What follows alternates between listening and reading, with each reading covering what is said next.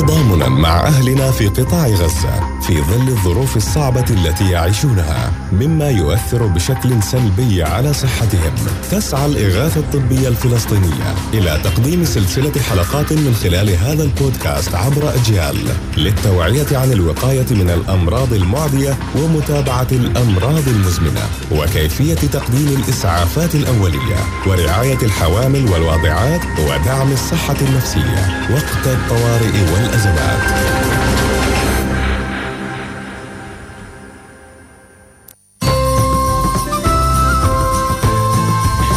السلام عليكم ورحمة الله مستمعينا الكرام. نتحدث في هذا اللقاء عن توفير الرعاية الأولية لأصحاب الأمراض المزمنة من بين النازحين في قطاع غزة في ظل الظروف بالغة الصعوبة وانعدام مقومات الحياة بما في ذلك الحق. في العلاج. ضيفنا الدكتور سهيل عقابني مسؤول عيادات متنقلة في الإغاثة الطبية بالخليل. مرحبا بك دكتور في أجيال.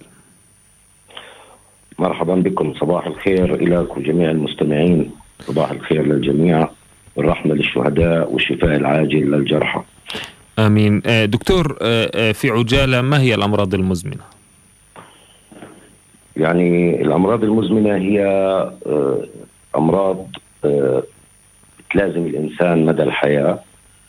يعني عادة بتكون مدتها طويلة ثد ونادرا نادرا جدا ما يتم الشفاء منها.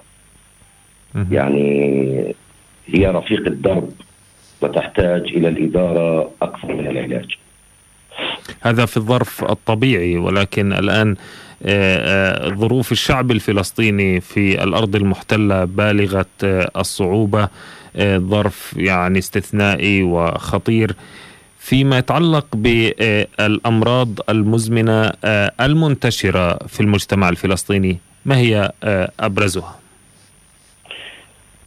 يعني هي الأمراض المزمنة عديدة ومتنوعة أكثر الأمراض عندنا انتشارا هي أمراض القلب والشرايين السكري ضغط الدم أمراض الجهاز التنفسي السرطانات وما إلى آخره. زي ما تفضلت يعني الوضع الحالي عندنا في فلسطين نحن بشكل عام بنعيش حالة طوارئ دائم والظروف الحالية لأهلنا في قطاع غزة آه، يعني ظروف استثنائية لهدول الناس. خليني أحكي لك إشي بس إن المستمعين إن الأنواع الرئيسية هاي الأمراض هي السبب الأساسي عالميا للوفاة آه، انتشارها بيكون أكثر في البلدان المنخفضة الدخل أو الدول الفقيرة سواء من جهة السكري أو السكتات الدماغية أو القلبية أو ضغط الدم أو السرطانات. هلا الغريب في هاي الأمراض في الفترة الأخيرة انها صار تظهر عند صغار السن، يعني إحنا متعودين دائما إن هاي الأمراض هي رفيق لكبار السن لأبهاتنا أمهاتنا أجدادنا. اللي كانوا متعودين نشوفهم دائما شنطة الدواء هي بقرب سريرة أو دائما معه. نعم. بس في الوقت الحالي صار يظهر عندنا هاي عند صغار السن يعني. يعني بدي أخذ غزة أنا كمثال قطاع غزة الحبيب. يعني قطاع غزة آه، ما يقارب 170 ل 180 ألف مريض مزمن موجودين حسب إحصائيات الاحصاء الفلسطيني ووزارة الصحة الفلسطينية في العام 2021 تصور هذا الرقم الهائل اللي موجود في قطاع غزة حاليا. يعني تقريبا آه، دكتور ممكن 8% من السكان يعني مسألة هو مش بسيطة. كنسبة عالمية عندنا في فلسطين إحنا كوضع يعني في في فلسطين أكثر من هيك. آه لأن إحنا بنشتغل على المرضى المسجلين وفي عندنا حالات غير مسجلة نتيجة عدم وجود تقصي آه، أو كشف عن هاي الأمراض. يعني في ناس من بين إحنا بنحكي من بين 11 شخص تقريبا بنشوفهم في واحد منهم عنده أو أكثر من هيك مرض مزمن. بس الغريب إن آخر دراسات فلسطينية بتحكي عن آه، ثلثين ثلثين كبار السن على الأقل عنده مرض مزمن واحد. يعني ثلثين السكان من الكبار السن عندهم على الأقل مرض مزمن واحد. عارف طيب. كيف يعني نسبة عالية جدا. هلأ الوضع صحيح. في فلسطين هو زي الدول الثانية. تقريبا يعني بنحكي عن 14% يعني نسبة الأمراض المزمنة في فلسطين. قبل أن نتحدث عن كل مرض وآلية التعامل آه، دكتور لتخفيف معاناة الناس ربما يعني التعايش مع المرض وفق ما هو مأمول مستحيل في الظروف الحالية ليس فقط في غزة وإنما ظروف الناس صعبة آه، في الضفة أيضا. ولكن آه، هل نتهم نمط الحياة ضغوط الحياة النظام الغذائي أم ماذا في ارتفاع نسبة هذه الأمراض؟ يعني من هون إحنا بنيجي نحكي عن هاي المواصفات لهاي الأمراض يعني هي أمراض أسبابها بشكل عام غير واضحة وبتحتوي على عدة عوامل مخاطرة زي ما تفضلت ورح نتطرق لها بشكل سريع وإنه الإنسان بنصاب فيها لفتره طويلة قبل ما يكتشف هذا المرض وهي بيميزها إنها هي غير معدية وبتؤدي للأسف للإعاقة. يعني هاي الأمراض. هلا ال ال بالنسبة للامراض المزمنة الوضع اللي عندنا في فلسطين خلينا نقول التحول الوبائي والتمدن أدى لازدياد نسبة هاي الأمراض في في فلسطين. نحكي عن عوامل المخاطرة يعني اللي اللي بتزيد من احتمالية إصابة الاصابه بالأمراض المزمنة إحنا بنقسمها عادة لقسمين. في عوامل إحنا بنقدر نشتغل عليها وبنتحكم فيها وفي عوامل للأسف ما بنقدر نتحكم فيها بالإضافة إن في بعض الأمراض هي تعتبر عوامل مخاطره لهذا الحكي. لو جينا نحكي عن العوامل اللي ما بنقدر نتحكم فيها ما بنقدر نتحكم فيها في عنا عمر الإنسان كل ما تقدمنا في السن كل ما احتمالية إصابتنا صارت بالمرض مزمن أكبر.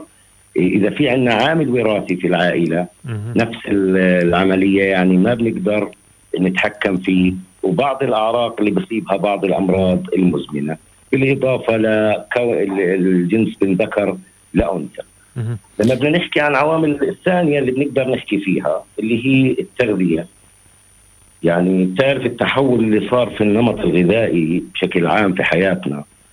آه، أحد العوامل اللي بتخلينا ننصاب بأمراض مزمنة زيادة أكل السكريات آه، الأكلات السريعة الوجبات السريعة إلى آخره. العامل الثاني اللي إحنا بنقدر نتحكم فيه يعني هو قلة النشاط البدني. يعني إحنا صفينا ما بنتحرك قاعدين على كراسي أو على آه، بالبيت على التليفونات على أجهزة الكمبيوترات التكنولوجيا على الفيسبوك إلى آخره وسائل التواصل الاجتماعي. آه، هذا العامل الثاني. العامل الثالث اللي هو السمنة. زيادة الوزن اللي عمالها بتصير سواء عند أطفالنا ابتداء من سن العاشرة فما فوق أو عندنا إحنا كمان كبار السن. إيه، العامل الثالث التدخين. وهون بدي أنوه لأنه في تقارير إحصائية فلسطينية بتحكي عن ارتفاع نسبة التدخين سواء في الضفة الغربية أو غزة. يمكن في الضفة الغربية ارتفاع نسبة المدخنين صار كثير أكثر من من غزة بازدياد طردي. كمان هاي العوامل بتخلينا ان إن صحيح. معرضين للإصابة في الأمراض المزمنة. طيب إيه، إيه، لنذهب أخيرا بس آه الأمراض بعض الأمراض اللي هي الضغط والسكري والدهنيات. يعني أي شخص مصاب بهذه الأمراض هو معرض للإصابة بأمراض أخرى من الأمراض المزمنة. دكتور آه، آه، لنذهب إلى غزة. ما ألقي من بارود يفوق في قوته ما ألقي على هيروشيما وناغازاكي وكان ذلك قنبلة نووية. ولكن نتحدث تراكميا خلال شهرين. مرضى الربو كيف يعني يمكن أن يتصرفوا وسط هذا الجحيم؟ يعني آه مرضى الربو في هاي الظروف يعني إحنا بنقدر نقول الله يعينهم بس إحنا رسالتنا لهم اللي هي رح نحكي حلقة أو دقائق يكون نحكي عن الربو وآلية التعامل معه. بس في الوقت الحالي يعني على الأقل عدم وجود كهرباء عدم توفر أجهزة لمساعدة هذول المرضى عدم توفر أدوية الوضع كارثي انهيار كبير في الجهاز الصحي الفلسطيني.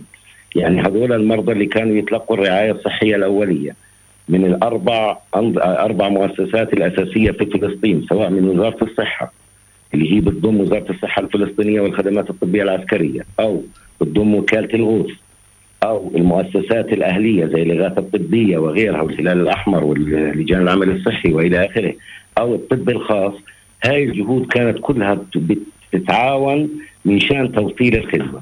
هلأ مريض الربو في الوقت الحالي يعني هي الكمامة كمان أصبحت يمكن ما ما يقدر يحصل عليها ولا تحميه، إحنا رسالتنا لهم نقول أي قطعه قماش، أي سنجة، أي شيء حط عليها مي يغطي انفه بهذا الحكي للتخفيف من تأثير هذا الغبار اللي عماله بصير في في غزة أو هذا زي ما تفضلت يعني حجم القنابل والدمار والغبار اللي عماله بصير في غزة. إحنا نتحدث عن تخفيف المعاناة والألم.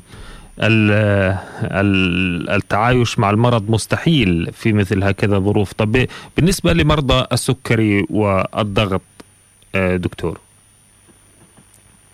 يعني يعني مرضى الضغط والسكري آه، يعني أنا بفكر بصوت عالي. يعني مريض قديش عدد النازحين الموجودين في قطاع غزة حاليا؟